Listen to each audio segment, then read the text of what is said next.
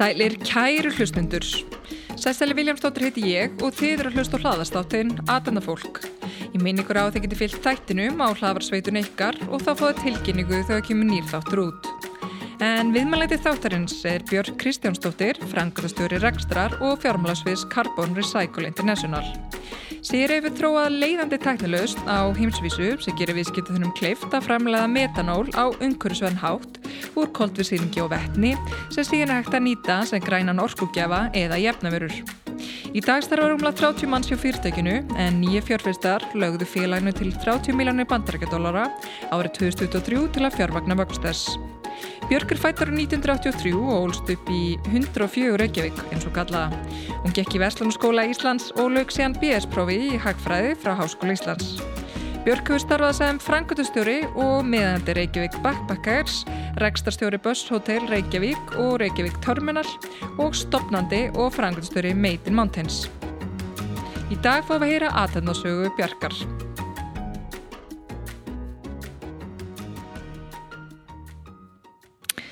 Sæl Björg og verðu hjartala velkomin í þáttinn. Já, takk fyrir það. E, við hérna hjá aðtandafólki, við bara byrjum alltaf á byrjunni, þannig að mér langar að spyrja þig uh, hvað ertu alveg upp og hvernig voru aðská árin? Já, einmitt, ég er sett fætt og uppalegin bara henni hérna í Reykjavík og reynda svona hildi, við áttum bara mjög góða batnæsku. Um, við áttum sér að hérna, heima í 104 Reykjavík, það er enda svona skemmtilegur og þjættir hópur sem kemur þaðan. Þannig hérna, þar var ég raunin bara alveg gegnum, gegnum satt, uh, allan grunnskóla, í langkválskóla uh, en mamma sætti kennari og pappi bifilegverki og kannski er þetta að sé eitt sem var svona kannski óvanlegt að þeim tíma að þau sett skildi þegar ég var svona sjöra eða svo. Og það er kannski ekki þótt neitt sérstaklega merklegt í dag en á þeim tíma voru náttúrulega ekki kannski margar fullskildur uh, sem voru, voru þannig og mann bara eftir svona handvilli í bekknum sko eða í árgangnum sem að það sem að fólkdana voru ekki saman. En, þau reynda að gera þetta mjög vel og erum alltaf góða fyrirmyndir uh, fyrir það, voru bara góði vinnir og, og hérna þannig að þetta er mamma og fjölskyldan alltaf frá Reykjavík og pappi fjölskyldan hans utan á landi. Þannig að hann hérna flutti aftur út á land og ég svona flög um helgar, norður á Akureyri og egnaðist uh, eh, sískin þar uh, og svo síðar hérna heima. En raunverulega sko alin upp myndi ég segja sem yngabann uh, á heimilinu af því að sýsti minn sem að hún, hún fæðist ekki fyrir voru 19 ára. Mm. og, og sýsti minn er fyrir norðanáttlega var ég ekki kannski beintinn á sama heimili. En almennt séð þetta var bara eins og segi bara mjög ánægilegt ég með rosalega góðan stuðning, mamma og pappa Eh, ömmu, afa, báðu megin eh, rosalega bara gott og, og heilt fólk mm. sem ég var með í kringum mig Frábært og, og, og hérna eh, hvernig svona barn og úlingur varstu, hvað hafður eiginlega fyrir stafni? Uh, ég, ég vil meina sko ég held, ég held að mamma og pappi þóri mjög ekki að andmæla mér en ég vil meina ég hef bara verið eitthvað gott barn mm. og ekki svona, hérna, ekki mér erfiður úlingur Uh, en mér gekk bara vel skóla. Þú veist ég aldrei átt einn vandræði með að læra. Það gekk bara rosalega vel. Ég náttúrulega var líka flóðilega bara mikil íþrótálfur alltaf verið að æfa eitthvað. Þú veist það verið fimmleik og svo verið ég sko tíu ár í badminton mm -hmm. og vann með þetta í fræðarindar að, hérna, að komast í unglingarlandsliðið uh, á þeim tímabúti já það var mjög skemmtilegt og náði einhvern veginn svona hanga í íþrótt alveg þanga til sko ég klára annabækki mentaskóla held reyndar að svona þegar maður hugsa um svona eigin börn að það er rosalega kostur að vera þú veist í þú bara hefur góðan og flottan vinahóp uh, þú veist þú þetta náttúrulega tekið mikið tíma þannig að þetta er svona gott að læra að skipilega sig og hafa metnað og, og leggja sig fram og einhvern veginn svona reyna uppsker eins og sáir. Uh, þannig að það var en það var bara mjög skemmtilegt. Það var margar náttúrulega góðar svona góð reynsla, veist, við vorum að fara keppnisferðir, veist, bæði innanlands og svo keppnisferðir út og æfingabúðir og það var rosa skemmtilega þéttur hópur og svo hætti líka bara æðislegan vinahóp í áragögnum mínum í, í langarskóla og þetta er mjög mikið að skemmtilega og flotti fólki sem hefur, eða sem að þessi árgangur hefur alveg af sér, myndi ég segja. Þannig að, jú, það er svona ég hef alltaf bara haft bara, veist, gott og gaman að læra og, og vera og, og góða vini Mm -hmm, akkurat. Og ítráttunar og útíverjan en náttúrulega koma svo til að hérna fylgja er uh, í rauninu það sem eftir er og, og, og hérna við kannski förum í það eftir. Uh, en svona þegar fer að líða að hérna mentaskóla árunum? Já, akkurat, þetta var þetta er svolítið merkilegt sko að ég var bara ákveðin. Ég var bara ákveðin í því bara ég ætlaði bara að vera læknir það var bara, það var bara alveg á hreinu. Ég bara einhvern veginn, veist, í gegnum grunnskólan og svona, þú veist, þegar ég var hægt að alltaf vera mamma þegar hún stóra og svona, þú veist, þá ætlaði ég bara, hérna, þá ætlaði ég að vera læknir. Ég hugsaði það, ætlaði þess að fara í MR bara undim og bara við længsfræðina og svo bara fara, fara byndi í længsfræði svo einhvern veginn þegar var að vera að velja mentaskóla, þá fóru við svona, hérna, og skoðið mentaskóla og hnaut svona inn í Vestlu mér fannst það svo ótrúlega svona skemmtileg einhvern veginn bara skemmtilegu staðir bara, þetta, þetta er reglulega geggjaði staðir fór að skoða aðra skóla hos hvern og mér er eitthvað svona bara nei, veist, ég, menna, ég bara skoði námsmaður og þú veist, ég bara þú veist, ég bara fyrir kandidatárið og þú veist, ég bara græja þú veist, það sem ég þarf augalega bara þar og hérna, bara, veist, fara í Veslu, bara, mm -hmm. mér líst vel á það. Þannig ég enda einhvern veginn að fara, fara inn í Veslu og svo var svona náttúrulega bara viðskipta kynntist ég svona bara viðskipta, þú veist, hagfræði, þú veist, þjóðafræði, ræksturhagfræði og mér fannst þetta bara rosalega skemmtilegt. Ég bara, já, mér fannst þessi partur af að versla bara æðslur, maður líka fekk góðan grunn bara í, þú veist, reikningshaldi og annað sem er náttúrulega bara reyns mér vel, mjög vel, eða, svona í gegnum bara allt sem ég hef verið að gera svo án þess að við vilja vita hvert framaldið er því þá er eins með mjög vel. Þannig að það er einhvern veginn svona fórin á þá braut og var svona í eins og segja, ég var áfram í badmintónu fyrstu tvö árin.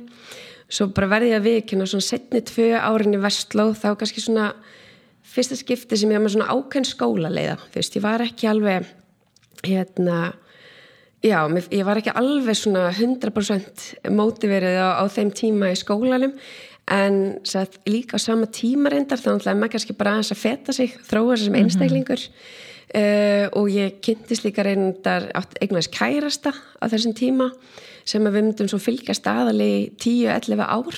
Þannig að sem alltaf vissi ekki þá en, en hérna en einhvern veginn þá líka sko kynntist ég inn í svona allt annan sko nýja vinahóp Uh, rosalega mikið svona æfntramennsku útiverunni, útivistinni. Mm -hmm. þannig að það fór að detta inn. Og ég hef alltaf verið, þú veist, mamma var mikil skíðakona og ég fór að skíði og, og var svona, þú veist, hérna bara góða skíðum.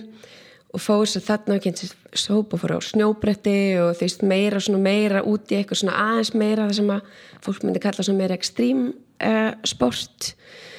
Uh, skíða utanbrauta og svona mikla, þú veist, æfntramennsku þannig að það er svona einhvern veginn byrjaði það og, og þessi sett kærasti minn og vinir í kringum hann voru mjög rosalega svona hugmyndaríkir og svona framkvæmda glæðir sko, settu verið bara komið í framkvæmdi sem dætt í hug.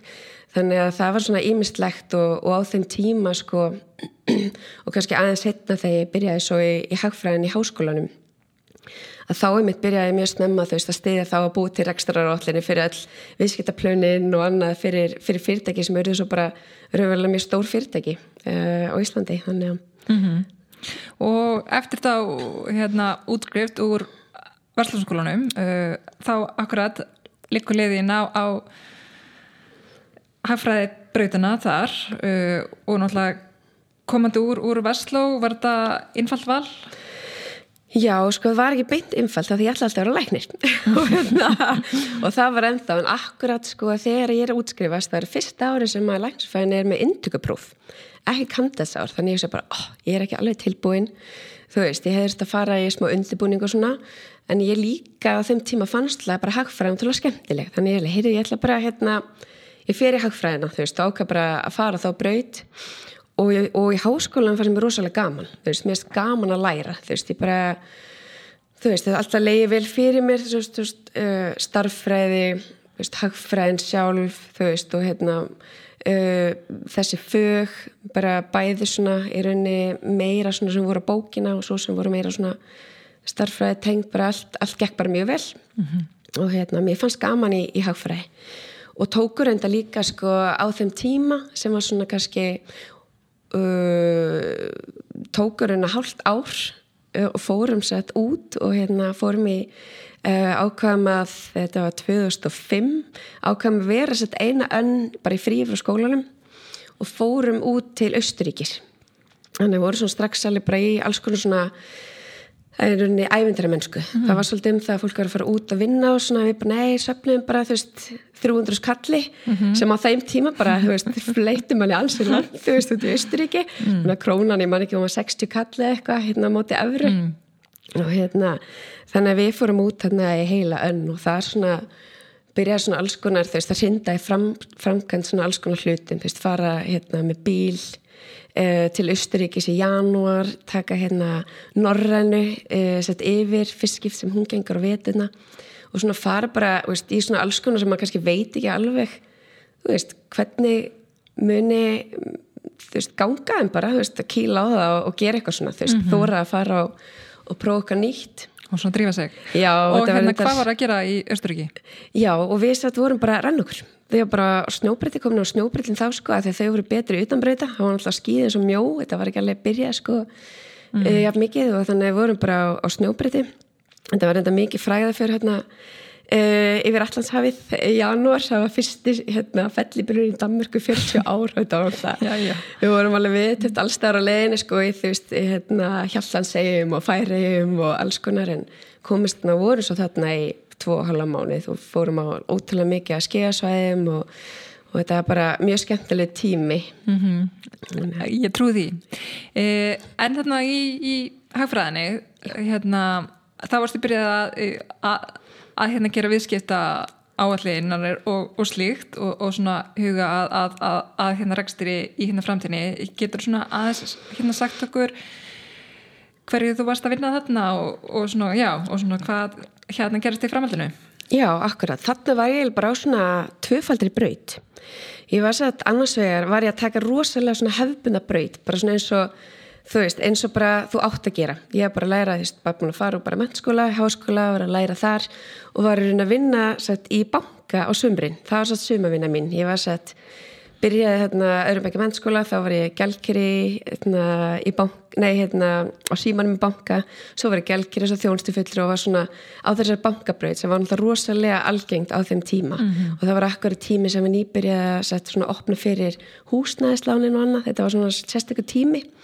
Uh, þannig ég var alveg þeirri bröð en svo líka var ég þá í rauninni á meira þessi svona frumkvöla þau veist svona stuðningi og byrjaði þess að koma með input inn í þessar viðskipta áallinir hérna kærastum eins og þeirra, þeirra fjela uh, og þeir voru sett í svona ferðarþjómsdu, svona æventýra æventýra mennsku og hann byrjaði sett að reyka hérna artik rafting á þeim tímpundi þannig að það eina þessum ekstra állum var alltaf með ekstra állum fyrir fyrirtæki sem var svo Arctic Adventures eða er í dag. Mm -hmm.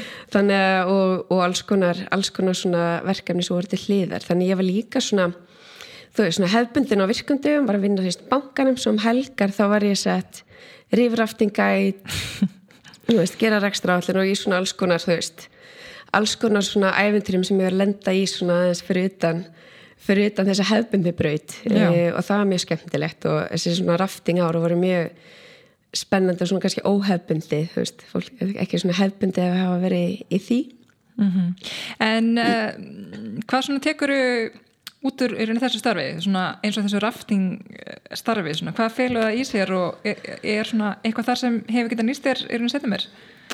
Já, sko, bæði í raftinginu og svo fór ég setna, var ég meira bara svona gæta, fekk mér ekki áhuga á fjallamennsku, e, fór líka björgunarsveit, þú veist, þannig að þetta var svona úr því þegar þú ert að gæta e, í björgunarsveit, í þjálfinu alls konar sem þú ætti að gera, þú þarf bæði að vera svolítið svona, hérna, þú verður að hafa hugreikið til þess að gera hlutina. þú veist, þú verður að hafa hugur ekki trúa sjálfur til að vera í þessu að því að þú ert náttúrulega með fólk með þér sem þú ber áber á í því.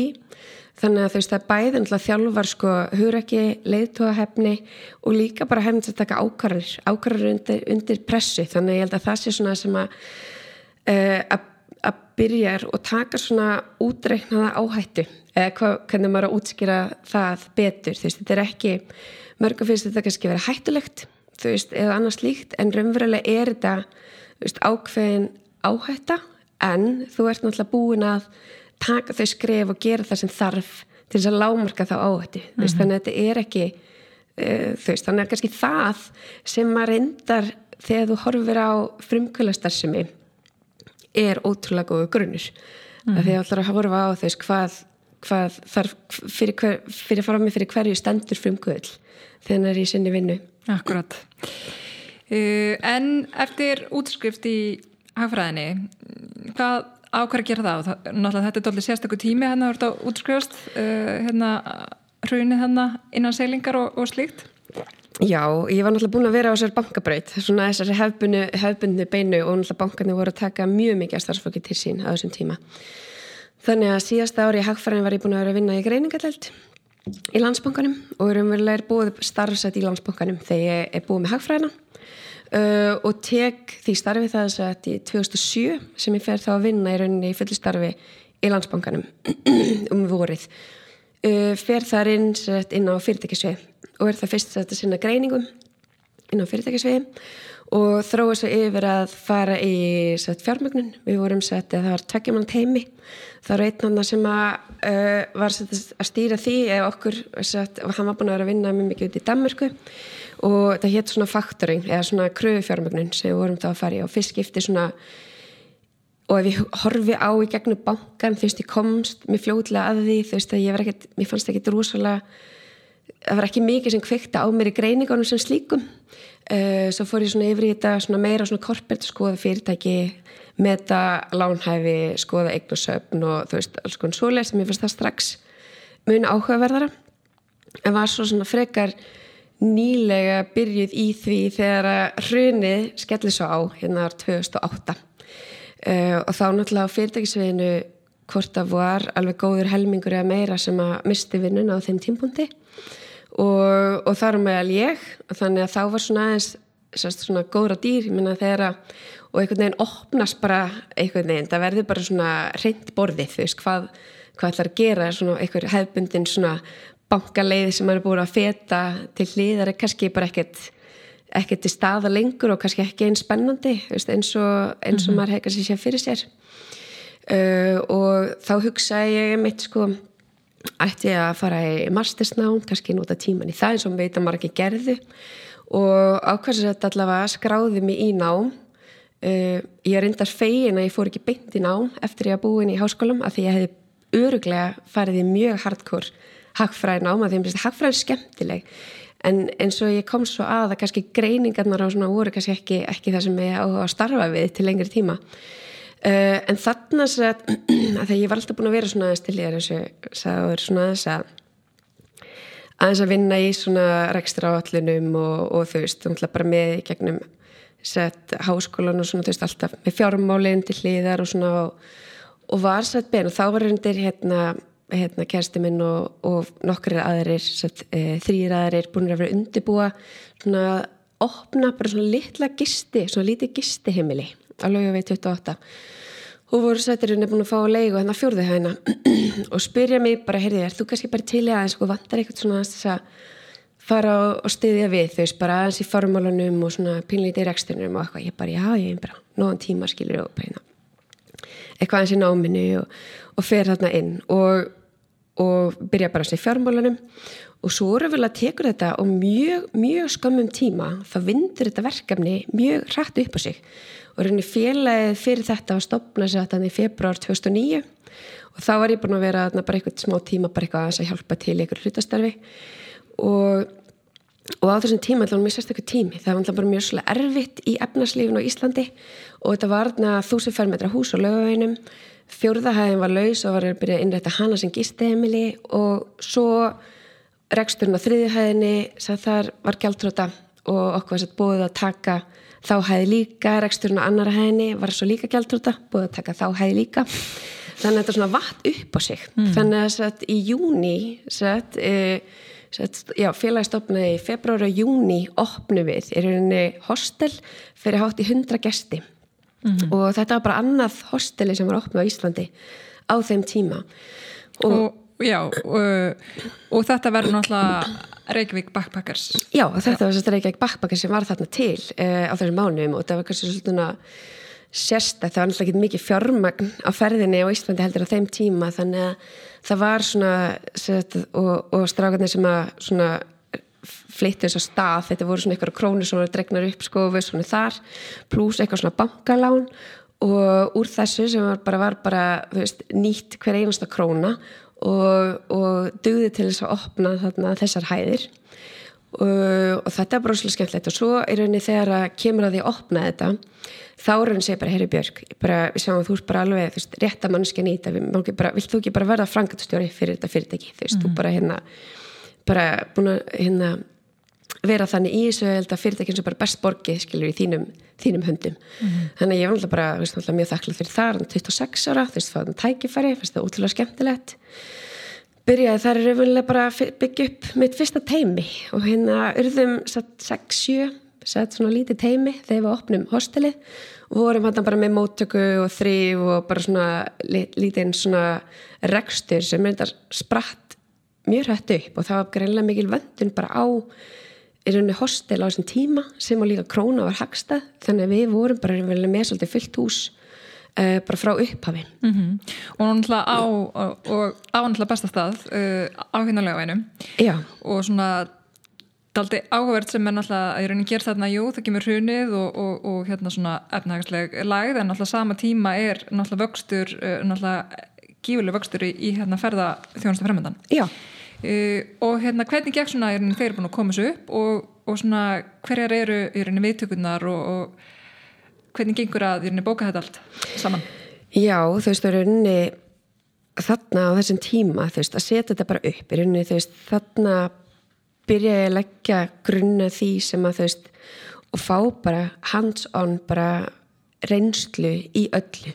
Þú veist, þá voru bara, veist, það voru bara framkvæmdir, þú veist, það var að vera að velja þú veist, maður bara fyldist með gólöfnum og styrtuklefum og bara allt frá því bara, það var að fá leifisveitingarnar það var byggingarleif og gistileifi og það var í raunverulega að setja upp hugbúnaði fyrir þú veist, það er markasendingi, tekustýringin þú veist, maður fær bara raunverulega tækifæri fyrir ótrúlega lartum, þannig að ég kannski ekki skrýta ég er mjög fljótlega hægt í mastisnáminu og hérna er ákveður svona já, herri, þetta er, ég er bara ekki rétt í tímin ég er bara miklu frekar því þetta er bara mhm. reynsla sem ég vil bara, ég er bara díða mér þetta mm -hmm. og það er rosalega mikil vinna og þú ert bara að gera allt uh, en það sem var líka svolítið merkilegt þeim tímpunkti og þess að ég sé að sett meðegenda í, þessu fyrirtæki að við erum hann að búa með fyrsta sögumar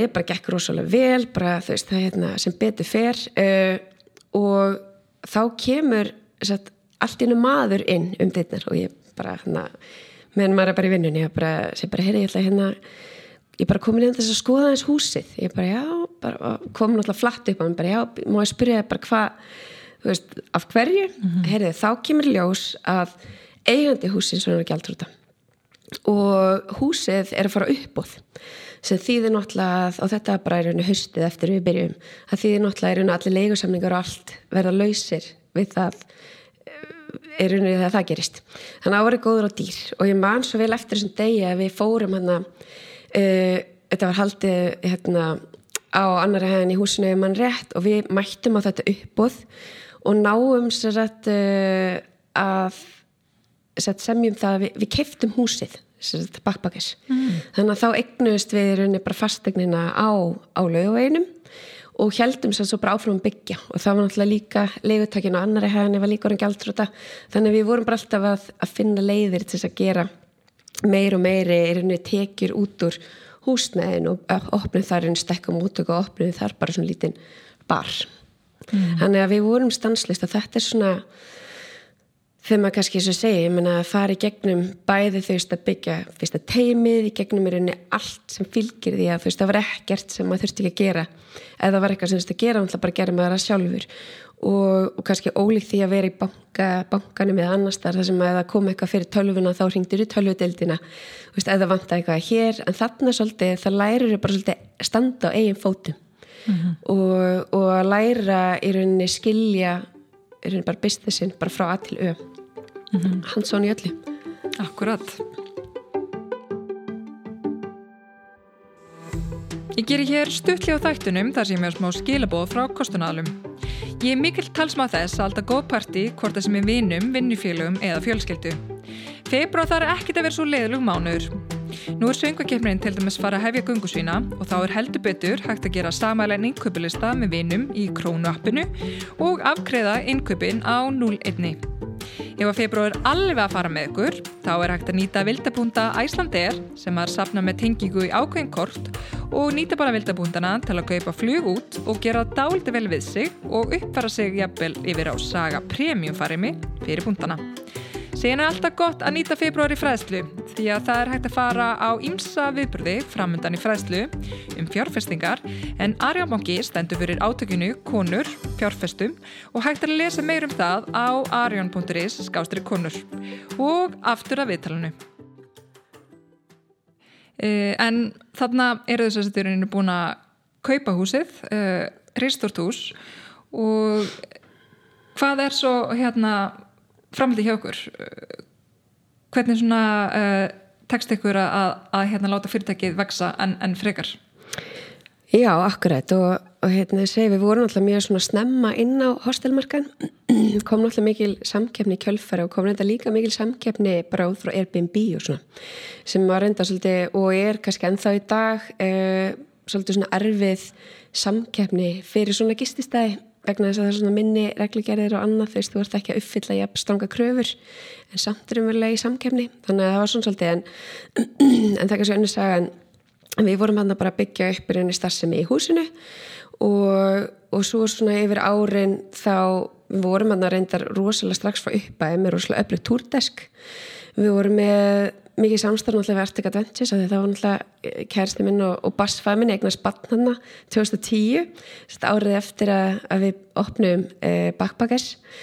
Uh, en já við seldum rosalega mikið að ferðum veist, þannig að það er unni svona og það var svona kannski á okkar svona ferðalögum við vorum búin að vera að ferðast svolítið og byrjum hann náttúrulega í Östuríki svo vorum við búin að fara lengri ferðaleg þú veist, svona 6 vikur til Nepal og, og þú veist líka 5-6 vikur til Kína og allir Honduras og verið bara svona að fara í þessar ferðir þegar ég var í frí og bankanum og svona að nota þetta svona að upplifa bara.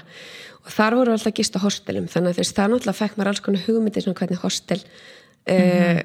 hvernig var það gott að búa til svona, svona andrumsloftið og annað. Þannig að það var svona mikil, mikil pæling og við seldum mjög mikið að ferðum bæði fyrir Aftika Adventures og svo aðra, aðra aðeila bara testalegur og allt sem var og, og bílalegu bíla og þannig að það var alveg svona stór tekjulind. Og við erum svolítið stórt túrdesk og vorum líka með svona æslað bakbækja sem var svona pínu ferðskjösta fyrir okkur og vorum að gera svona selfdraferðir fyrir kuna þannig að það var mjög mikið bara svona kjarnin í okkur var bara hostelið og bara svona ferðir og ferðarþjónst og ég ætla með mikið grunn úr að vera gæta þess bæðir aftingi og svo setna svo einhverja fellaferðir og hellaferðir og alls konar sem við vorum að gera þá. En eftir ég byrja á bakbækist þá hætti ég því eiginlega alveg, þetta var rosalega mikil vinna. Maður var mhm. bara þarna alveg 24-7 bara á vaktinni og hérna mikið í gangi. Uh, en við svona þróum svona yfir tíma þú veist og kannski svona einstór þróun var og svona kannski líka bara svona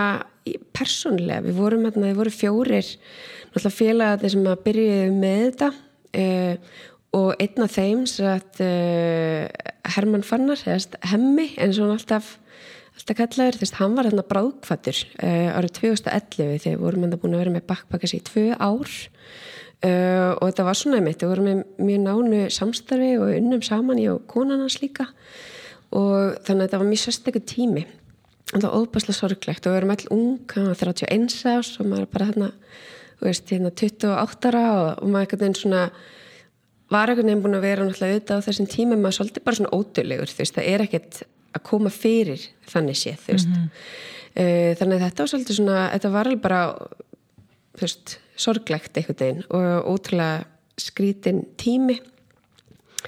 Uh, og maður læriði ímislegt af því, þú veist, og maður læri, læriði líka það að það er ekkert gefið. Að svo sem er hérna í dag verði hérna morgun og maður líka hugsaði þá aðeins með allan rekstur og allt sem ég hef verið að gera eftir það, þú veist, og bara öll störf sem ég er í að vera með doldið svona opnar bækur, þú veist, þú getur ekki verið einn að halda að þér öllum taumunum, þú veist, þú verður að vera með fólk sem getur stíð inn, þú veist, ef þú erst ekki hennar daginn eftir mm. og þá mhm. ekkert að vera í fyrirtengn þannig að þessi hangi, standi og falli með, með einni, einni mannesku, þú veist, maður verður að reyna að búa þannig um hnútana, þó þetta tímabilin eru misjöfn og mörgumnin eru ólíkan en þú veist, það er eitthvað svona ekkert í gefið mm -hmm. Já, akkurat, hérna, þú ert eiginlega að tala svona doldið um líka að hafa mm, alls konar ferla, þú veist, ef eitthvað mm, ákveðin hluti gerast og svona doldið ofna bækur þannig að, að, að, að það sé hægt að taka við ef eitthvað í rauninni kemur upp á Jú, og akkurat. þetta er ofta náttúrulega eins og með svona frumkvöla eða svona fólk sem er í einn rekstri og, og, og kannski er ekki með er mjög stort uh, teimi að slíkt að þá þarf svona doldið að hafa í huga að viðkomandi á að, að eiga fyrirtæki en fyrirtæki á ekki að, að, að eiga mann. Líka þannig að, að svona doldi kannski eins og fyrir frumkvöla huga því að einhvern tíman einn daginn er líka hægt að stíga út úr þessu annars allt falli. Já, akkurat. E, Akkurat, uh, en, en hérna þú varst náttúrulega þarna í, í hérna sex ár og, og hérna þið opnum líka veitingastaf á næsta hæðinni? akkurat, akkurat. Hvernig var súrensla? Hérna, svo voru nýjir meðegandir að því að seldu sinn hlut sett hérna uh, fjölskylda hemma og, og hans uh, samstagsæðili og svo sett ákveði að fara, jú, förum hérna og, og það var alltaf mikil uppgangur sko í rauninni veitingabransarum þeim tíma. Þannig við förum hérna að opna bara svona alveg stóran bar og veitingastaf, sett bönk, bar og kafa. Og þá svona kannski varð reksturinn, það var rosalega mikil vinna í kringum það og þá vorti alltaf hann komið kannski með teimi sem er meira svona 30-40 manns í staðin fyrir þess þegar maður er maður svona 6-7 mm -hmm.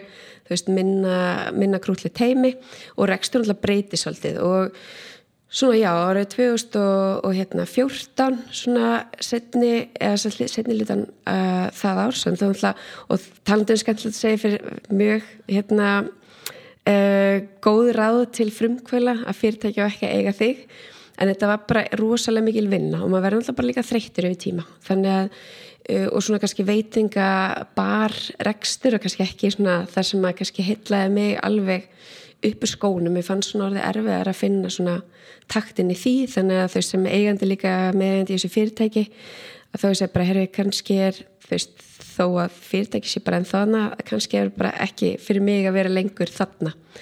En þegar einhvern veginn þróast það þannig samt að við raun og, ég og þá basfæði minn við raun og seljum okkar hlut uh, þannig að byrja náttúrulega 2015 þannig að set, ég hef búin að taka það ákvörðunum að vera ekki lengur frangatstjóri í bakbakis og, og svona einhvern veginn bara þróast þann samtalið að með eigundur okkar kiftu okkur út og fóru svo reyndar að gera bara mjög flotta hluti þú veist það var alltaf líka bara þetta er rosa stórt heimil og alltaf við getum verið sko allan dag að tala um sögur um alls konar sem að gerist þegar þú ert að hérna reyka svona hundra manna heimili í sex ár.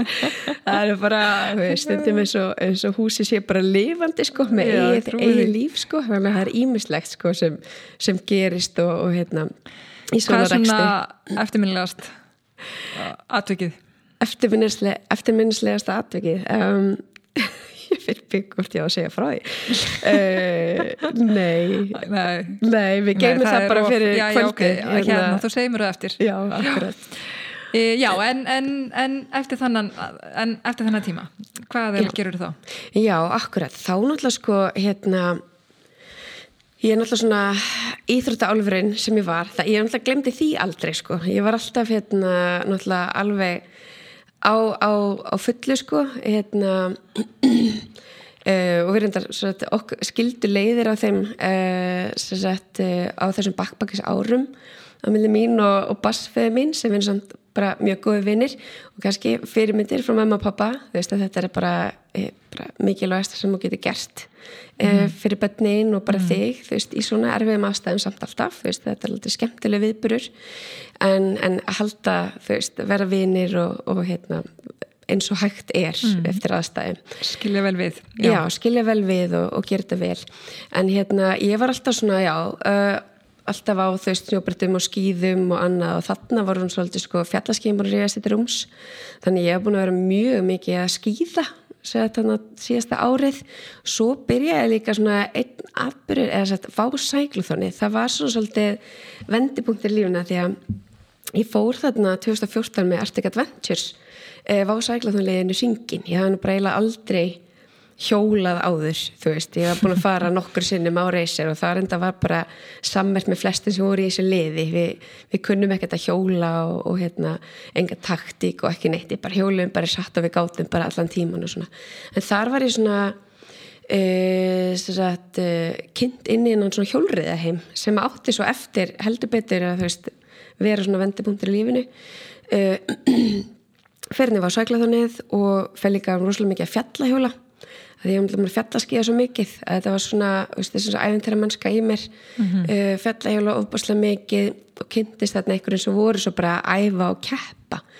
Og var þetta sagt þarna uh, 2014 bara, heyrðu, þú ert öruglega bara hérna, heldur öflug í hjólriðunum þú veist, þú ert ekki bara að prófa að keppa.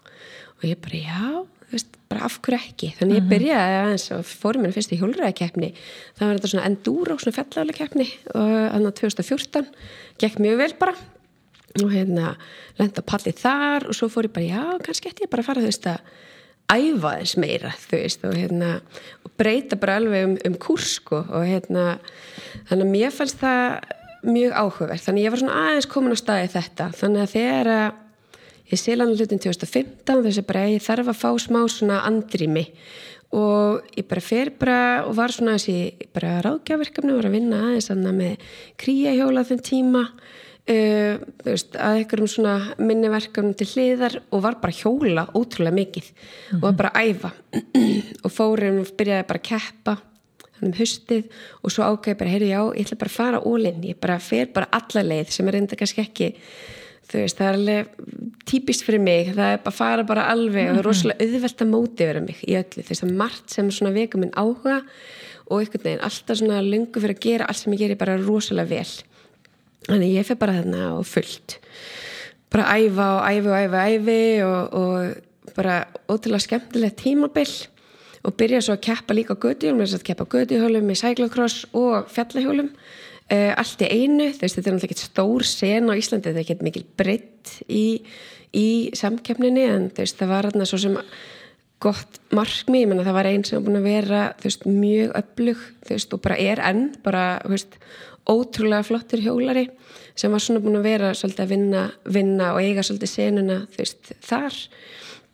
En að mér fannst það bara spennandi að takast á við að þú veist, að sjá hvað ég kemist langt í hjólriðunum þannig að ég bara nota þetta árið þess að hjóla og enda svo með því þannig að ágúst að landa fyrstu tveimur Íslandsmeistartillanum mínum. Um, uh, Já, takk fyrir það.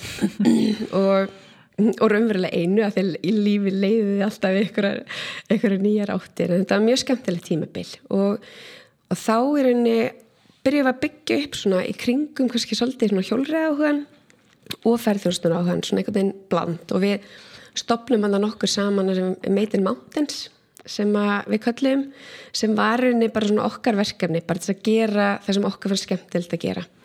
Og við vorum þarna með þess bæði ferðir þess vorum, hérna, eitt félagi minn var mjög reyndir gæt og vorum hann að mjög ökla ferðir og við vorum, svo tókum við reksturinn á, einmitt var á sæklaþónu eh, gerum okkar eigin hjólaræðikeppni sem var mjög skemmtild verkefni uh, og voru svo að taka svona minni verkefni þar og svo var ég í svona smá þaustráki og annað til hliðar.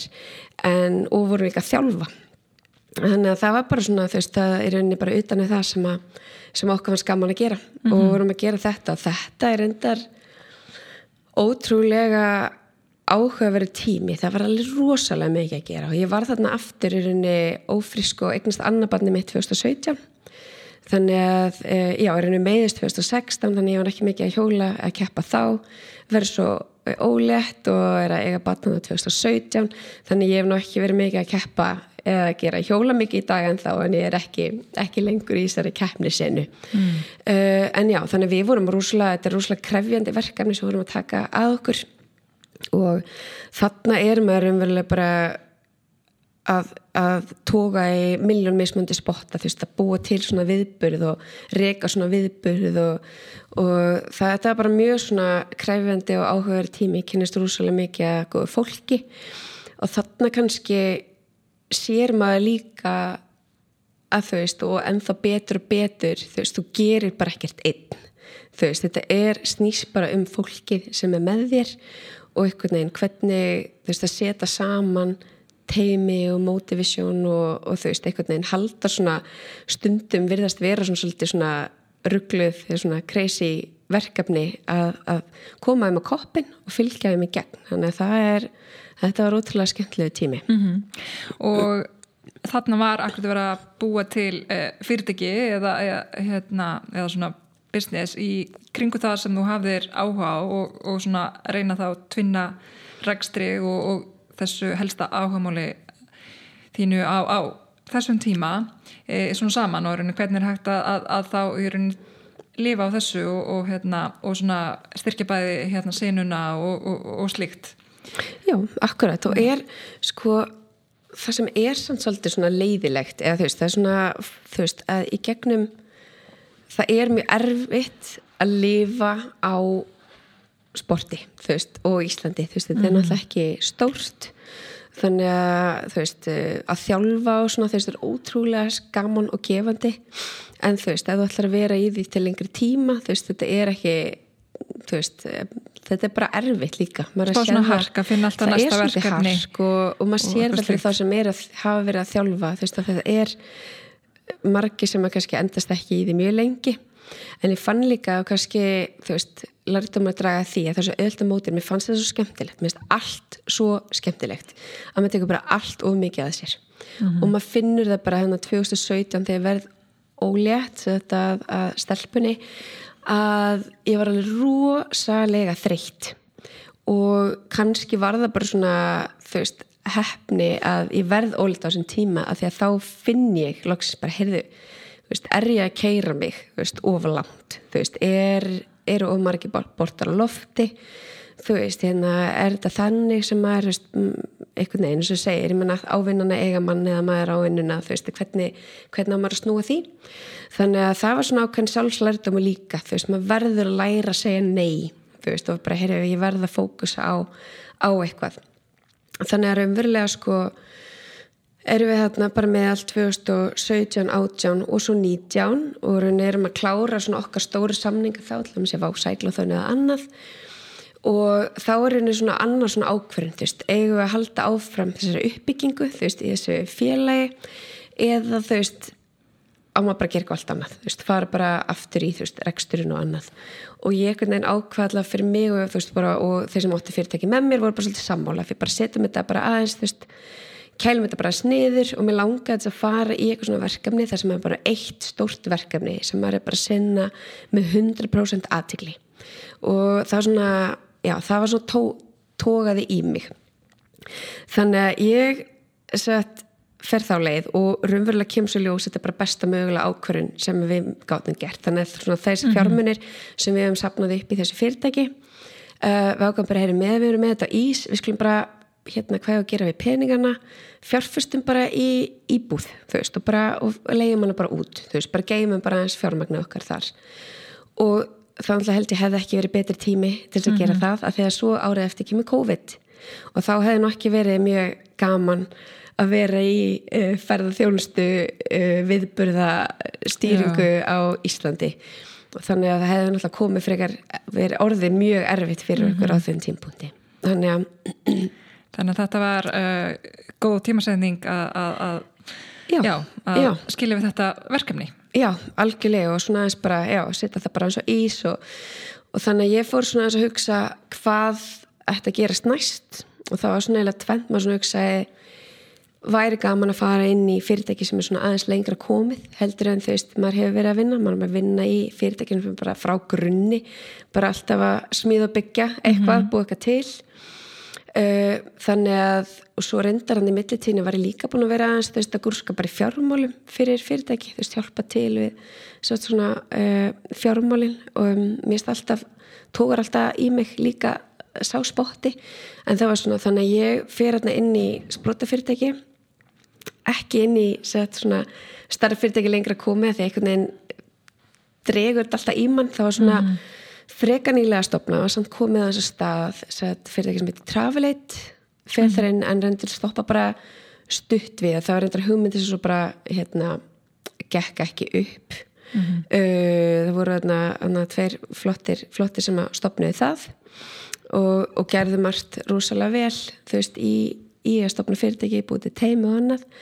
En ég sem stoppast upp þar en fer svo í rauninni aftur dregin inn í, í ferðarþjónustuna og þess að bóðir henni bara reyka þarna, þetta er busshostel sem er þarna rúmlega 100, uh, 100 manna hostel en með í þýrum vel að var risa stór svona þjónstuborð að því að þetta félagið þetta partur af Reykjavík Terminal og var að reyka alla þjónustu fyrir eh, Reykjavík Sightseeing, Airport Direct og svo líka Destination Blue Lagoon inn í því. Þannig að þarna fer ég sett inn í fyrirtæki sem er búið að setja á laginnar en, en samt svona í miklum vexti. Og það er svolítið merkilegt í öllum þessum fyrirtækjum og það sem ég finn svo gaman í bara í vinnu og rekstri er einhvern að sjá þetta hvernig getur maður gert betur, þú veist, auka skilvirkni hvernig getur maður líka aukið skilvirkni og starfsána á sama tíma, þú veist, það er náttúrulega bara hugbúnaður, spila bara ótrúlega stórt hlutverk, mm -hmm. hugbúnaður og ferlar, þú veist, og að leta fólki lífið, þetta er svo ótrúlega svona vinnu svo vel með hvert öðru. Þannig að við náðum alveg mjög góðum árangri þar. Við rauninni náðum að auka afkvöstin, það er að veist, þingast rosalega mikið e, þjónustan, það er miklu meira af fyrirspurnum og öðru þannig að veist, við erum að taka miklu meira inn af fyrirspurnum og vinna úr þeim raunverulega á sama teimi þannig að það bara með því að setja upp í rauninni kerfin og ferðlan og allt þess að styðja þannig að fólk bæði ánæðara í vinnunni að því að það er búin léttaði mikið lífið og þau svo eru náttúrulega líka hafkamra á saman tíma. Og þetta var rosalega skemmtilegt verkefni. Mér finnst það bara ótrúlega gaman koma inn þau veist meðurinn sko, reynsli bæða því sjálfur að vera að setja upp eitthvað fyrir gunn og byggja teimi þú veist allt sem var velgert, allt sem hefði geta farið betur veist það er ekkert fullkomið. Þetta er bara, veist margt sem gerist mjög vel og, og var mjög vel gert en hérna en einhvern veginn að læra af hinnu og, og, og þú veist, einhvern veginn nýta það. Eh, þannig að þar svona náði náði það svolítið að komast á gott skrið og mér finnst það mjög skemmtilegt verkefni. Eh, og við vorum hann að taka í gegnum þjónstuborð, þú veist, 1000-2000 e-mail á dag, veist, þetta er alveg svona stórt voljum, þannig að þarna var svona mm -hmm. var svona kannski nýr vingill en samt svona tengtur ferðjónstunni og svo var alltaf bara eksturinn á, á hostelinu sem ég alltaf bara gert áður. Uh, og lendum reyndar er ég þarna þegar COVID skillir á. Já, blessaða COVIDið. Já, já, já. Hérna, það fór nú ekki vel í ferðjónstuna Nei, það náttúrulega var mjög sérstaklega tími og hérna sko, fyrsti minni þessi mánu er svona mars-april 2020 þú veist þegar þeir unni þetta fór einhvern veginn að bresta á þú veist og maður var alltaf að búa til nýjar og nýjar áallanir þegar þetta einhvern veginn sko í byrjun þá var þetta bara svona kannski, maður gerir sér ekki grein fyrir hversu stórt þetta myndi verða. Það er alltaf bara, heyrður við að fara hérna eitthvað að búa til einhver áallum fyrir tíu dagar, tvær vikur eða mánuð eða eitthvað, þú veist, hver hefði haldið að maður verið að fara að búa til áallum fyrir þrjú, tvö, þrjú ár eða þess vegna sko, þetta var alltaf miklu lengra tímabil heldur en að heldur en að, og kannski ágætt maður vissi það ekki að þeim tíma, hvað þetta er því langt, það hafa kannski fallist hendur. En hérna en þar komaðu sko, byrjaði rosalega þungt akkurat á sama tíma, þú veist, mann leikskólanir lóku, skólanir lóku, allavega hverjum hjá okkur, sama tíma var rosalega mikil set, hérna, eftirspurn, þú veist, og bara ekki eftirspurn, það var svo mikið sko af fyrirspurnum, þú veist, út af, út af COVID og, og óvissunni, þannig að við vorum að endurbóka og endur, alls konar rosalega mikil vinna og ála á þjónstuborinu og svo alltaf bara datta niður, þú veist, því að þá bara Já. var bara ljóst, það bara búið að loka.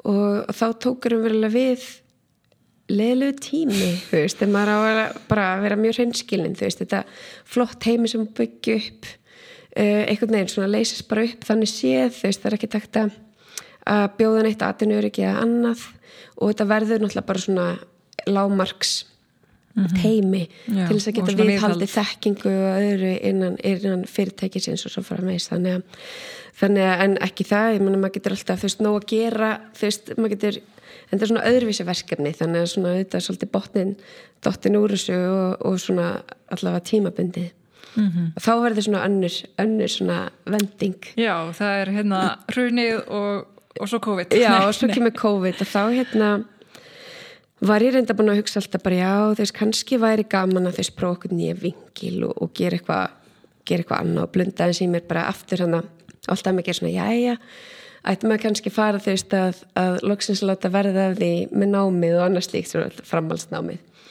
Uh, og þá kemur þetta vinkonu mín til mín og segir bara, heyrðu hérna, það vantar manneskjöðin í fjármálin hjá fyrirtækinu sem hún var búin að vera að vinna hjá mjög lengi.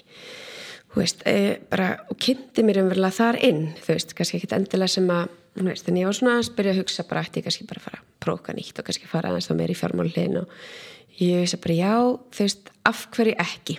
Og það var svo að CRI eða Carbon Recycling International. -hmm. og þetta verið hérna í oktober 2020 sem ég svo bara enda með þegar að ráða mig þar inn í fjármálin. Og það er náttúrulega bara allt annað. Já, okkur að þannig ertu hérna farin úr hérna ferðageirunum og raun sem, sem þú varst búin að vera í heilmikið tíma og yfir í orkugiran og hérna komin í þetta spennandi hérna sprótafyrirtæki eh, hérna séri eh, en getur þú sagt okkur svona fórsögu fyrirtækisins og, og hérna það er náttúrulega stopnað árið 2006 og svona, og svona kannski sögu þess?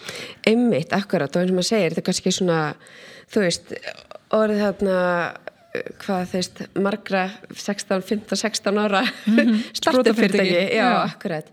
En nei, að séri er mjög skemmtilegt hérna fyrirtæki. Og veist, og ég náttúrulega er það enn í dag og, og það er búið að vera svakalega skemmtileg vegferð og gaman að vera, vera taka þátt í því. En þess að fyrirtæki stopnaði hann á 2006 í kringum svona hugmyndina, þetta eru tveir íslendingar og tveir bandarækjaman í kringum hugmyndina að, að nýta koldusýring uh, til framlegslu og endur nýta hann til framlegslu og metaróli og það er enda svona saga sem við sagt sko, ég hef sagt margóft og líka núna því að við ætlum vorum í rosastóri fjármagnavegferð svo að segja fjárfestum og þeir sem er að þeir í svona kynni fyrirtæki en ég veit ekki hvort hún hefur breyst yfir tíma en, en þeir að sætt litið til himins og og sagt með sér, heyrðu, það er hérna vandamál. Við verðum að finna einhverja lausnir eh, til þess að- að spórna við því. Og það er sett þá hlínu jarðar og allt þetta. Þannig að þeir eru inni byrja á þessu konsepti hérna heima og þetta er þess að þróað bara hérna á Íslandi inn í sett, tæknin sem að er sett, fyrst í rauninni bara gerða á, á rannsónstofu og er svona finski starfsmæðurinn okkar, hann segir alltaf bara já, þetta byrjaði bara eins og öll góð rockbönd í bílskúr. Og hérna og sett inn í þá rannsónstofu og svo síðar inn í fyrstu verksmiðuna sinna tegundar inn í svartsengi. Og það var sett hérna í rauninni fyrsta skiptu sem að tæknin er sannrind á yðnaðaskala og þar er rauninni framleiði fyrirtækið fyrst eh, 2011-12 sem þetta ára opna, svo stækkaði versmiðan 2015 og svo sett var rauninni verið að framleiða þarna til 2019 þegar framleiðslu var hægt um, og raunverulega nýtti fyrirtæki sem ákveða þeim tímapunkti og, og kannski eins og með mörg svona startup sem að eru að þú ert aðeins á undan þinni samtíð, þú veist, þetta er svona konsept sem er þú veist, kannski ekki alveg markaðurinn tilbúin og það er kannski það sem er hann á 2019 svona stendur helst í vegi fyrir sko framleiðslu og metaluleg hér heima til lengri tíma er hann þetta stærðin, það er rosa starðar hægraði í svona verksmiðum og svo líka bara markaðurinn fyrir grænt metanól og þarna er sett fyrsta græna metanól í heiminum framleitt og vottað. Og tímabili rekin sko stærsta rafgreiningi heimi líka uh, inn í svarsengi mm. þannig að þetta er og og svona ofta Íslandi þú veist það er svona mm, jú við erum alveg þekkt svona kannski fyrir starfsemin okkar hann í svarsengi en, en kannski félagi er mjög þekkt svo, út í heimi. Þú veist og þar eru náttúrulega stórir markaðir uh, fyrir félagið. Mm. þannig að en já þannig að fyrirtæki sett ákveður að og hérna þykir náttúrulega vera framalega á sín sviði Eh, Já, af því þetta er svona snemma þá er einu eins og í dag þá er ekkert annað fyrirtæki sem er með einstækni uh, komið á þennan stað er einu komið með tvær verksmiður bara á svona í rauninni bara það er kallað svona commercial scale það er svona að þeirri starðagráði þetta er bara, mm -hmm. veist búið að skala upp þetta er ekki reyngur pilot eða, eða neitt slíkt heldur bara komið á yðnaðar bara al, alvöru skala mm -hmm. og, og það er ekkert annað fyrirtæki heiminum sem er komið þangað Akkurat, og hérna hvað eiginlega gerir fyrirtæki nákvæmlega hver er varan Já. og, og tæknin sem þið eru að selja? Akkurat, og kannski akkurat þarna þegar versmið er í gangi þá er líka hugmyndin að eiga og reyka sína versmið og selja afurðina svo náttúrulega var markaður fyrir þetta græna metal ekki með þroskaður á þeim tíma. Þannig að það var kannski minni markaður uh, og kannski heldur en að og ekki hérna heima, þannig að við bætis fluttningskostnaður og annað, þannig að 2019 var ákveð að framlega ekki lengur hérna heima heldur nótarunni allt allan slagkraftin til að fara í að selja tæknina á alþjóðamarkaði. Og það sem tekst 2020 þá er henni selur fyrirtæki sína fyrstu e, svona tæknilaust og í þeim pakka var að þetta fyrirtæki var að, að selja sér tækni og tæknileifi þannig að það er verið að hanna. E, og svo er henni fyrir við og látum framleiða helsta búnaðin inn í versmiðna sem er svona kvarfagútur og það þarf líka kvata og svo fer tækniteimi frá séri á staðin þegar að vera að gangsetta verksmiðina og, og hjálpa til við að gangsetta þannig að þetta var henni þessi fyrsti sem við kallum svona kjarnapakkan okkar sem var seldur 2020 í verksmið sem var 27 starri heldur en svo sem er hendur svarsengi sem mm -hmm. að setja í, í skala. Ég veit ekki, fólk getur regla að sé þetta á myndum hann frá við erum alltaf svolítið hamfara svæði hérna akkurat núna en, en það er hérna svona eimingaturn og sá sem er út í Kína er á starfi halkgrinskirkjutöð þannig að þetta er svona, maður er að reyna að ímynda sér svona á hvað starðagráðu verkuninu eru orðin þetta var sjálfsagt fyrsti pakkinan 2020 og svo með tvö ára 2021 þannig að núna er henni séri búið að skila af sér og, og klára sína vinnu við gangsetningu á tveimur svona verksmið mm -hmm. En hvað er uh, viðskiptumodell hérna fyrirtækisins? Uh, svona, hvernig gengur þetta fyrirtæk já, er henni fyrir sig? Já, akkurat, þannig að tekjurnar af þessum verkefnum er raunverulega á þessum tíma þegar það verið að byggja þannig að, og, og áður að vera að byggja þess að er henni hönnun leifis uh, og svo er henni tekið að selja annan kjarnabúna.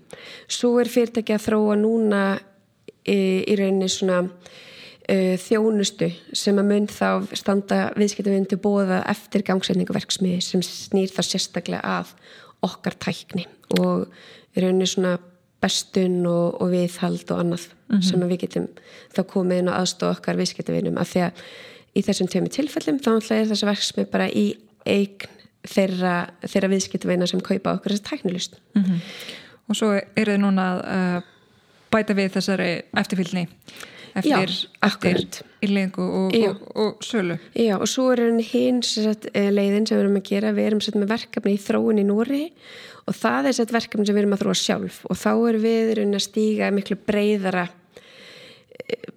miklu starra umfang sem við erum með í því verkefni. Þannig að við erum búin að taka þarna ákveðna staðsetningu um, og það er þetta er raunni uh, aðli sem að er raunni með koldisýringsströym og við erum þarna komið með uh, staðsetningu við hliðin á þeirri verksmið uh, og munum þá raunverulega sjálf vera að gera meira, ekki bara komið kerfið okkar, heldur líka vera að, að hjálpa til við að uh, kaupa inn og, og velja tækni fyrir uh, hólminsfengununa og líka fyrir rafgreininguna.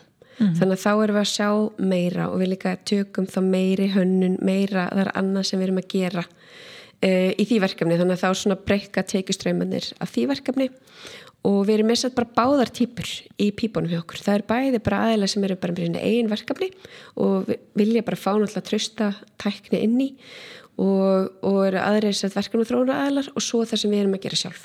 Já og þú ert þarna fjármálistjóri hérna fyrirtækisins og svona búin að vera e, náttúrulega í rekstri heil lengi og náttúrulega fjármáli líka þá aðala í hérna ferðargerunum en, en svona hvernig var þessi breyting og, og rauninni, hvernig er þetta alltaf öðru heldur en ferðagirinn og uppbyggingin þar?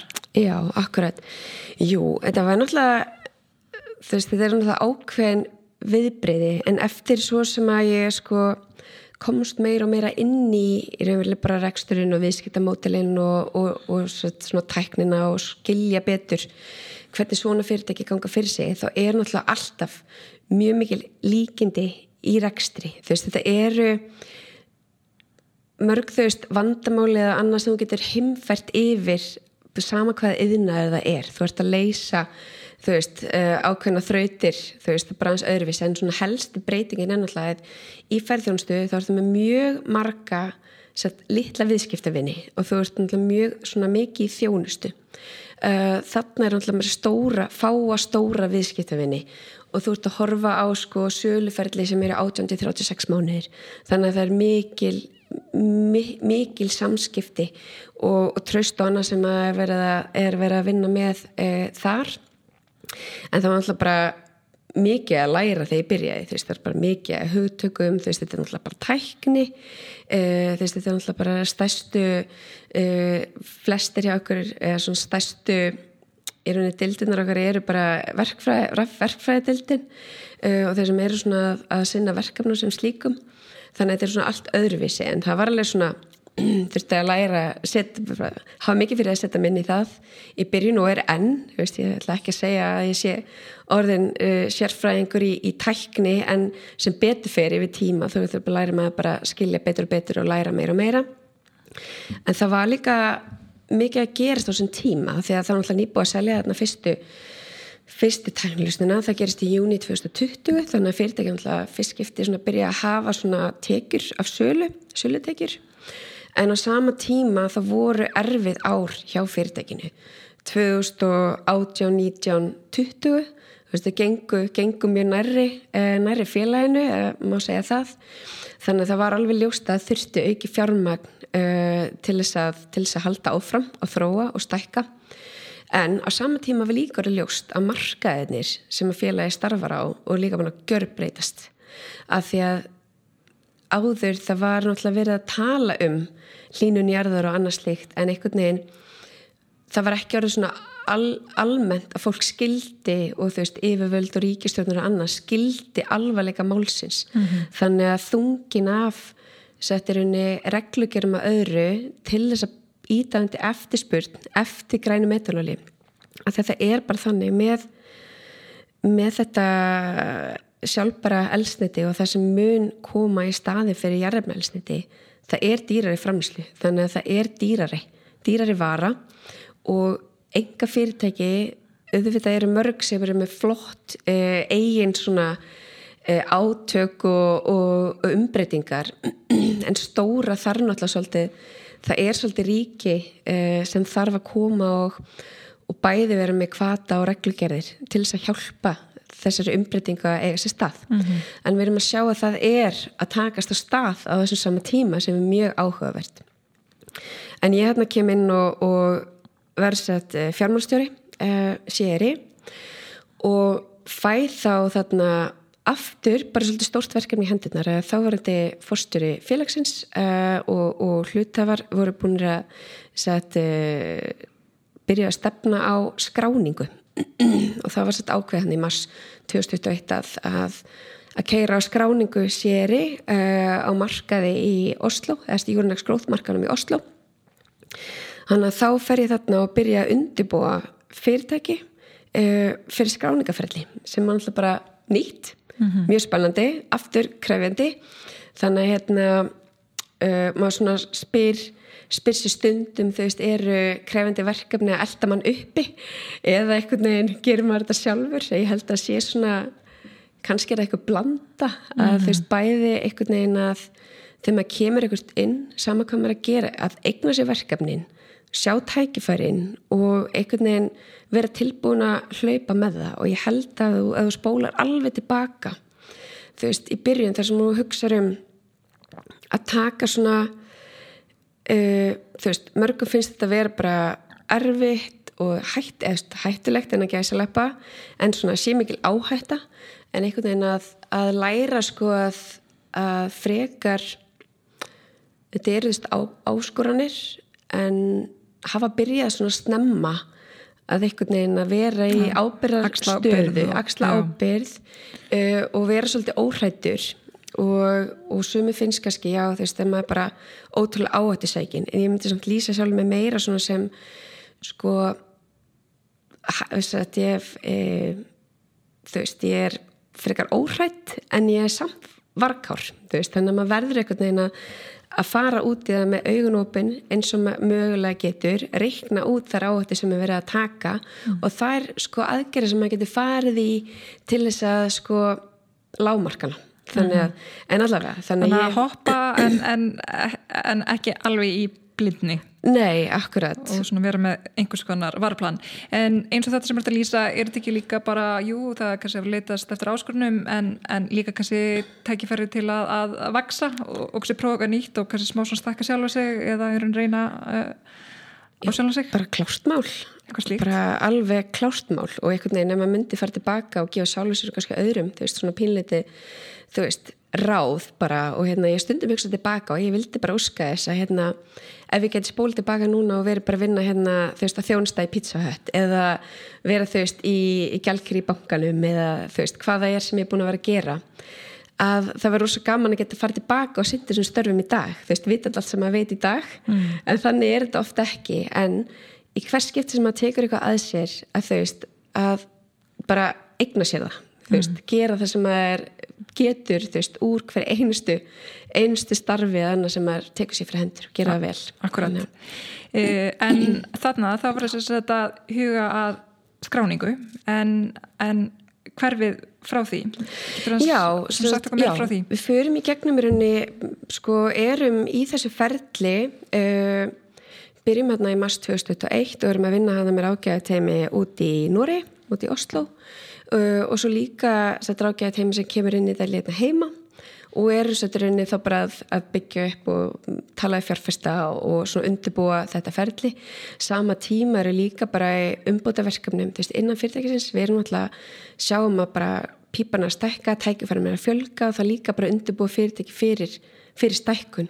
Og þarna er ég eins og ég vilja alltaf gert þegar ég kemur í öll fyrirtæki, það hefur alltaf fyllt í hugbúnar innleggingar mm -hmm. uh, og þú veist og ég hérna eins og ég sko bussostel er svona strax sko backpackers þá vorum við bara innlega nýkerfi frá grunni.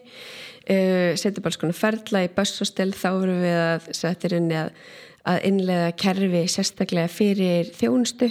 Uh, þarna erum við að innlega kerfi inn ný fyrir, fyrir fjármálinn og erum á sama tíma náttúrulega að færa okkur yfir í alþjóðlegan bókalstæðal og að færa settir henni functional currency úr íslenski krónu yfir í dollurum. Þannig að við erum svona að gera mjög, marg, mjög margi spottar sem við verðum að halda, mm. halda í á sama tíma og svo er henni þá bara að kynna fyrirtækið. Um, og þetta gekk vel en við lendum, eða það gerist uh, í þessu ferli að þá fara svona markaðinir að verða eins erfiðari og það gerir svona strax veginn á svona um sumari 2021 þegar hann svona freka nýlega farin inn í þetta. Mm -hmm. það voru önnur fyrirtæki í svona grænni tækni búin að fara inn á marka og það gengi mjög vel. En svo einhvern veginn var verða erfiðar og erfiðar fyrir þau fyrirtæki just, að vera á markaði. Þannig að maður sá það en samt sem aður þú veist mikill áhug fyrir séri en það er mjög spennandi vekk fyrir framöndan en svo var það í raunverulega í byrjun ást 2022 sem ákveðum að tekin að að klára ekki skráninguna þá náttúrulega var stríð bara búið að bróðast út í Úkrænu og markaði náttúrulega ennþá erfiðari heldur en að þú var nokkur sem séð. Já, þannig að það var ekki rétti tíma, tímin fyrir þetta fyrirtæki.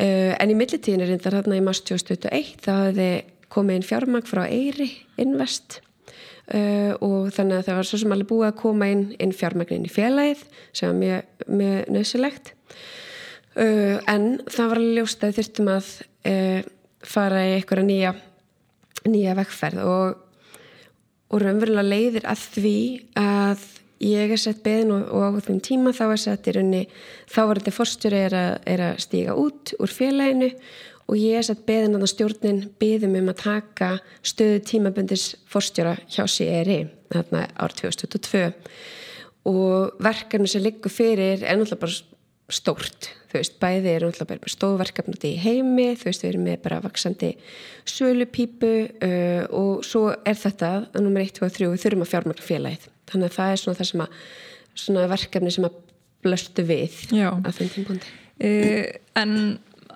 þarna ferðu úr, úr hérna stöðu uh, fjármálastjóra yfir í fórstjóra var svona mikil breytinga á hérna starfinu náttúrulega helsta áhersla félagsins náttúrulega á þessum tíma er náttúrulega sækja mér að fjö þannig að það reynir nú oft mikið að fjármálstjóra þar en, en, en hérna var þetta mikil breyting fyrir þig? Já, þetta var já, þetta var alveg breyting, þetta er náttúrulega náttúrulega bara mikil ábyrð að taka þessi svona stórst verkefni uh, og maður finnur alveg fyrir því. En svo reyndar verður ég að segja er náttúrulega ICRI og kannski sem ég er ekki búin að nefna er bara ótrúlega flott fólk. Og það er þarna framkvæmtastjórn með alveg mikla reynsli, það er hár starfsaldur hjá fólki. Þannig að þú veist það er ekki eins og maður væri að stökka út í eitthvað laug án þess að vera, við erum bara, bara umkrýndir af frábæri fólki og það er kannski ástæðan fyrir líka, þú veist, maður ákveður, heyrðu, þú veist, maður brennur fyrir þessu, fyrir þessu fólki uh, og það var bara ótrúlega gaman og þetta var, þú veist, bæði svona, hvað segir maður, svona orku innspýting og rosalega orkusuga á sama tíma að vera í þessu verkefni. En þarna erum við að fá við tækifæri til þess að rauninni far bara taka, taka eitt skrif tilbaka fara bara eins og strategíuna uh, vörurnar þú veist, skilgjum eitthvað vöru þú veist, hvert, hvert eru að fara einhvern veginn svona ákveða stefnuna sem frangastöru teimi og svo bara einhvern veginn byrja að marsera í takt, bara mm. alveg vita nákvæmlega hvað við erum að fara að gera og þannig að við byrjum í rauninni, rauninni þá sett, vekkferð uh, og með því að endur, sett, endur hanna fjármögnuferðlið og ráðum til okkar uh, ráðgæðateimi setja á ING banka, hollensku bankin þetta var útbúið þeirra í Breitlandi sem að við sett, uh, förum ákveðum að taka með okkur í þessa vekkferð og byrjum hana sett í, í oktober uh, eða svona, já, byrjum að kynna fyrirtækið, undan því var öll stefnumótuninn og, og undirbúa kynningarnar og, og allt efnið okkar og, og þú veist, ákveða hvert erum að fara og stækka, stækka pípuna saman tíma og svona, þannig að það var það var mjög, mjög svona skemmtileg áhugaverð forvila og svo tók bara við rosa törn Já, áfram. Þessi fjármögnun. Já. Já, og þá farið náttúrulega í þessu stóru fjármögnun sem þið eh, luku núna árið 2023. Já, akkurat. Og getur aðeins svona sagt okkur frá því ferli? Já, akkurat. Þetta er, hérna, þetta er svona mjög áhugavert og ég veit að eins og í dag mörg sprota fyrir fyrirtæki fara strax í svona fjármagnanir og fara ránd eftir ránd en hérna fyrirtæki sem ég hef búin að vera í á áður og meira náttúrulega bara byggja upp frá grumni og aðeins öðruvísi mótilkringum það. En þetta er mjög áhugverð, þú vorum að sækja 30 miljónu dólara, eða þetta er rúma 4 miljardar og með það að sjóna með náttúrulega bara að, að klára að greiða skuldi fyrir, fyrirtækisins sem og að nota fjármagni í að í stækka fyrirtæki og þarna náttúrulega er að verða meira meira ljóst hvað félagið með í höndunum. Af því að ef þú hugsaður um sko það er náttúrulega bara 16-17 ár síðan fyrirtæki við stopnað og þau veist búið að taka langan tíma. Og þetta er kannski svona aðeins ólíkt eins og þau veist að með hugbúna fyrirtæki þess að þú ert náttúrulega aðalega bara með þú veist náttúrulega með forritar ást að gera það þannig. En að búa til svona hardveri sem maður segir, mm. það er náttúrulega rosalega fjármagsfækt þannig að þau veist en að komast í gegnum í rauninni þann fasa á þann stað þannig að markaðin er að opnast fyrir þig á réttum tíma er ótrúlega verðmætt. Og mann ætla að hugsa tilbaka þá svo frábært og maður hugsa um mörg sprótafyrirtæki og það er kannski fjármagn í bóði snemma, þú veist að koma ykkur á hugmynda stað og svo framvegs en maður sér alveg oft, þú veist, fyrirtæki líka bara deyja í tímanum sem er eftirbúin að búa til ykkur vöru eða eitthvað svo leiðis mm -hmm. og að komin á markað, þú veist, það er það sem er svo mikil hætta fyrir sprótafyrirtæki þannig við erum það akkurat að komast það er náttúrulega komin yfir þann hjall. Mm -hmm. og að, og erum þannig núna fjármögnuð til þess að fara í stekkunarferðla fyrirtækinni en þetta var náttúrulega tekum mikið á það tekum mikið tíma. Veist, það er náttúrulega mörg ferðli sem er verið að keira í svona fjármögnun. En kannski svona nummer 1, 2, 3 þegar sem maður hugsar uh, og þegar við erum að fara í gegnum sko valið þess að rákjaða teiminu og fólk eftir að bara ENG, þú veist, af hverju? Þú veist, það er kannski ekki auglustasti valkostinu, við vorum að tala um mjög marga stóra banka og fjármálstofnanir og margir kannski höfðu eller getuna og þú veist og, og samböndin og aðgengina fjárfestunum sem við vildum hafa. En svo snýst þetta alltaf um hver er með þér og þetta er bara, þetta er bara fólk. Mm -hmm. og við fengum hérna með okkur fyrst kom einni nýtt og svo hefur við ágræði að hann hætti hjá engi í meiri á og við hefum miklar ágræði að hvernig myndi fá í staðin og svo fengum við algjörlega frábæran annan aðila sem var bara gerði rosalega vel. Þannig að við erum bara með ótrúlega stert teimi bara með frábæra þekkingu og okkar, okkar yðnaði, við erum með verkfræð teimi og projekt teimi og bara allmennast teimi sem bara passa allt sé ótrúlega vel gert. Og það sem ég fann svo skemmtilegt að koma og reynda að segja stundum inn í CRI er að ég kemur svona startup uh, bransanum og maður finnur þess að ég var að byggja mér fyrst teimi og vorum sex og þú er bara rosalega þjættur hópur, veist, allir eru bara eitthvað á árunum, þú veist, þú ert bara þú veist, hérna og þú veist, þú ert bæði sko skipstjórn enn á árunum líka. Þú veist það eru bara allir saman. Og ég fann það að ég kom til séri að þetta var eimdi rosalega mikið eftir af þessu, þú veist þetta er bara, er, það er bara tilgangur. Við erum með það saman í þessu, við erum að fara að láta þetta gerast, þú veist ég bara þú veist ég kann þetta og ég bara gera það þegar það er að gera það og þannig, þannig er það. Og mér finnst það rosalega dyrmætt en á sama tíma úr því hvaða yðnaði fyrirtæki kemur er í að það þarf allt, allt þú veist, hérna, quality, health, safety, hönnun, þetta þarf bara að vera tip-top, þannig að það er miklu þroskaðara í ferlum og, mm. og öllu svona starfsemi heldur en, þannig að mér finnst þetta ótrúlega skemmtilega blandaði fyrirtæki sem er svona rosalega fagmannlegt en samt þú veist líka með hennan svona anda sem að þannig að ég held að, að sko okkar náttúrulega svona halda áfram að stækka svona mikið og, og núna eru við að ráða inn þú veist, mjög mikið af fólki uh, og eins og kannski ykkur hafa orðið varðið við mm -hmm. uh, í aðröðulsingum þú veist, hvernig heldur í svona kúltúr og svona anda í gegnum svona stækkunafasa þannig að það er eitt En já, við sérstaklega náðum að halda sko í fjármögnin rosalega þjættu, þjættu ferli og klárum henni byrjum að tala í fjárfæstaksuna, þú veist, lókseftin byrjum í óttabær og náðum að ljúka þessu þarna í júni uh, 2023 sem alltaf svakalegur hérna svona milestone fyrir fyrirtækið. Já, og til ekki með það og, og Þannig kemur inn uh, ekkunar Ventures, ef ég er að byrja þetta rétt fram, uh, sem er hérna uh, hér norska fyrirtæki sem ég eina til því að Statoil. Já, akkurat. Þannig að þetta er svona gamli einar en að, að, að, já, að uppkvæmta hinja, er hann einhvern veginn fram til lítur út? Algjörlega og hérna, jú, þetta kemur og við erum að tala við bara ótrúlega mikil, mikil flóra fjárfestum en fáum hann það inn í Equinor Ventures sem er náttúrulega svona Ventures svona fjárfestinga armur af Equinor sem er gamla Statoil uh, kemur hann inn sem svona leiðandi fjárfestir og, og með uh, Equinor Ventures koma sett aðri fjárfestar hérna heimann mm -hmm. þannig að líka gaman endur að fá fleiri, það séu líka íslenskir fjárfestar Já, í félaginu. Já, mm -hmm. akkurat og það er bara alveg frábært. Uh, en jú, þarna er er fyrirtæki sem er náttúrulega úr svona ólíu, er náttúrulega bara ólíu, ólíu fyrirtæki en maður sér það náttúrulega að, að það er, það verða, verða þú veist, það er bara auglust það verða breytingar uh, að gerast. Framöndan Já, það eru breytingar framöndan og það er bara ótrúlega flott að sjá svona fyrirtæki taka svona frumkvæði og, og, og fara í svona Já, verkefni líka. Akkurat.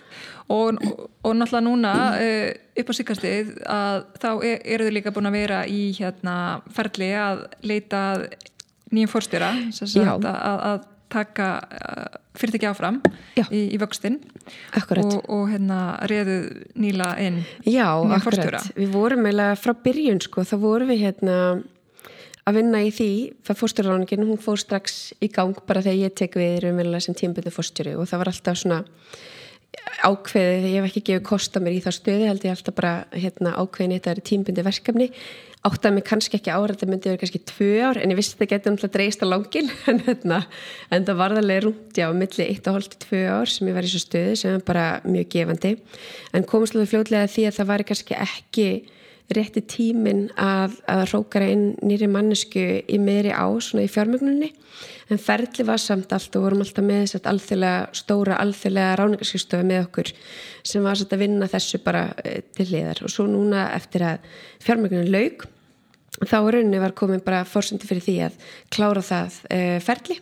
Þannig að við erum að fá þarna inn og, og prófillin sem uh, vorum alltaf að leita að er aðli náttúrulega með sterkar svona industri tengingu við okkar yðnað og einni með mikla reynslu í svona alþjóðlegri starfsemi e, vexti og uppskölin mm -hmm. þannig að, jú, nú sér bara í, í þar síðustu viku e, þá réði við sér að fórstýra Já, hjá Seri, hún kemur sér frá Danmarku, kona, sem er enda líka bara mjög skemmtilegt að hérna, uh, við leggjum mikið upp í því að reyna að hafa náttúrulega jafn jöfn hlutföll eh, karla og hvenna og ekki bara það heldur líka bara ef maður að hugsa um bara svona hvernig segir maður að bara með ennska heitið eh, diversity. Svona, eh, já, að hafa það líka inni og við erum með sko 15-16 þjóðarni 34 starfspölum mm.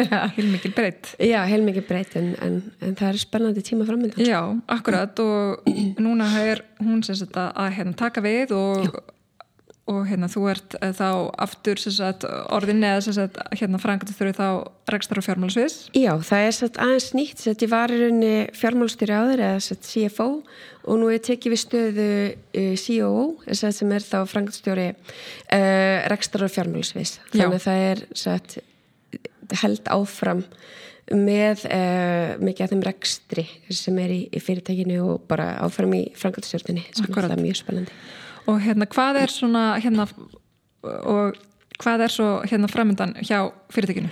Já, nú er það umverulega bara að, að við erum komið fjármagnið og erum, að, erum bara að byggja upp okkar teimi, við erum að bæta okkur fólki.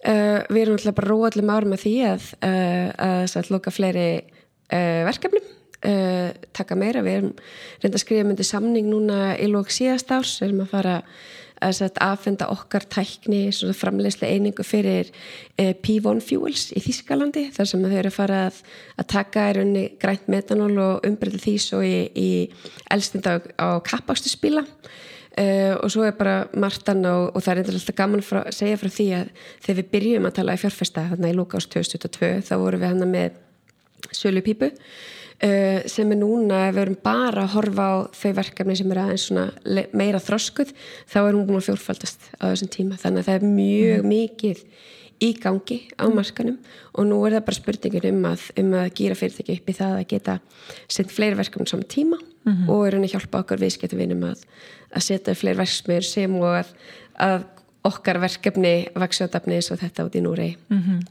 Mjög spennandi eh, en Björg segði mér, uh, þú náttúrulega passaði alltaf uh, að, að hugað að æfintýra mennskunni svona meðfram og, og, og hjólinn og önnur útivera.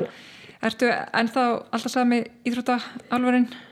Já, ég sko, já, ég er hérna, ég er alltaf sami íþrótta alvarinn. Ég er alltaf að áhreyfingu og hérna for, reyni að forgangsraða eins og ég mögulega get, þú veist, að setja innæfingarna mínars, þú veist það hefur verið alveg bara mjög kræfendi á, á stundum á tímum og sérstaklega í fjármögnuverðin þetta var ansið svona kræfendi og, og langi dagar, það var svona erfitt að hafa það inni en alltaf reynd að halda í það. Það var svona verið minni þá tími líka bara eftir með börnin, það er minni tími til að vera upp um öll, öll fjöld en, en hérna maður heldur sér við og þetta er leinda líka maður hugsa hans út í það veist þegar maður er að sinna svona rosalega kræfjandi störfum og bara gegnum allan tíma að veist, ég var náttúrulega mjög mörg ár tíu ári í bútkamp sem er einnig kannski að segja þessu grunnurinn að, hérna, að árangurinnum í hjólreðunum um, og þú verður sko, þú kemst ekki gegnum svona tímbill mm -hmm. nema huga að hilsunni Akkurat. og það er bara veist, að næra sér vel, það er að sofa og það er að reyfa sig mm -hmm. veist, að því að það er bara svo mikilvægt að, að gera þetta og maður hefur þetta ekki og svo líka bara er þetta bara okkur hugleisla þú fer bara þitt sport sumir kannski vilja huglega, aðrir í jóka aðrir í hjólriðum fyrst erfið mægingum, bara finna það sem að henda manni en þetta er svona mín veist, minn tími til þess að alveg bara Já. sleppa að hugsa ekki um neitt annað heldur en bara þú veist, þeir mm -hmm. úti á sumrin eða satt inni, inn í bílskur eða Já. í, líkast stið á veturna það er þetta mm -hmm. hjóla mikið úti á, á veturna en þú veist, þá er maður bara í algjörlega svona afslippun. Já, að svona tjúna sig einhvern veginn út og, og hérna kvíla kannski aðeins, aðeins hugan á, á hérna á hérna saman tíma. Eh, en svona að lókum Björg svona af þínum ferli hverju ertu stoltust af og, og af hverju? Já, góð spurning. Um, það er endar það er mjög margt sem að ég myndi vera stolt af e, í gegnum, gegnum þetta. Þú veist, það er náttúrulega bara kannski til að byrja með þú veist, er það ég ætla rosalega stolt að ég hafa verið einhvern veginn á að takast á því það, þú veist, ung að byggja upp fyrirtæki, teimi uh, og, og gera það, þú veist einhvern veginn á, á, á þessum krefjandi tíma og, og svo er ég alltaf rosalega stolt af þeim árangur sem hefur náðast núna með séri uh, á, á síðustu, síðustu tveimur árum þú veist það hefur alltaf verið svona ný vegferð uh, og svona mikill starðagráð þú veist mikið, mikið, mikið, undir. Og einhvern veginn að að, að gera það uh, og svo reyndar bara einhvern veginn stolt bara öllu þessu fólki sem er búið að vera veist, taka þátt í þessu veist, og fara í gegnum erfið og krefjandi tíma þú veist, jafnveg líka bara verið bara með veist, bara óvisa þetta er ný fyrirtækin einhvern veginn þú veist, lagt tröst sitt og, og vinnu í það stuðla þá að þessari velgengni hjá, hjá, í þessum verkefnum sko. þannig að mm. Akkurat. Eh, Björg eh, Kristjánsdóttir, takk kella fyrir komina. Já, takk fyrir mig heyra fleiri sugur af aðtapnafólki þá hveti þið til að íta á subscribe-knappin á hlavarspeitunni þinni og fylgja okkur á samfélagsmiðlum. Ekki missa næsta þætti.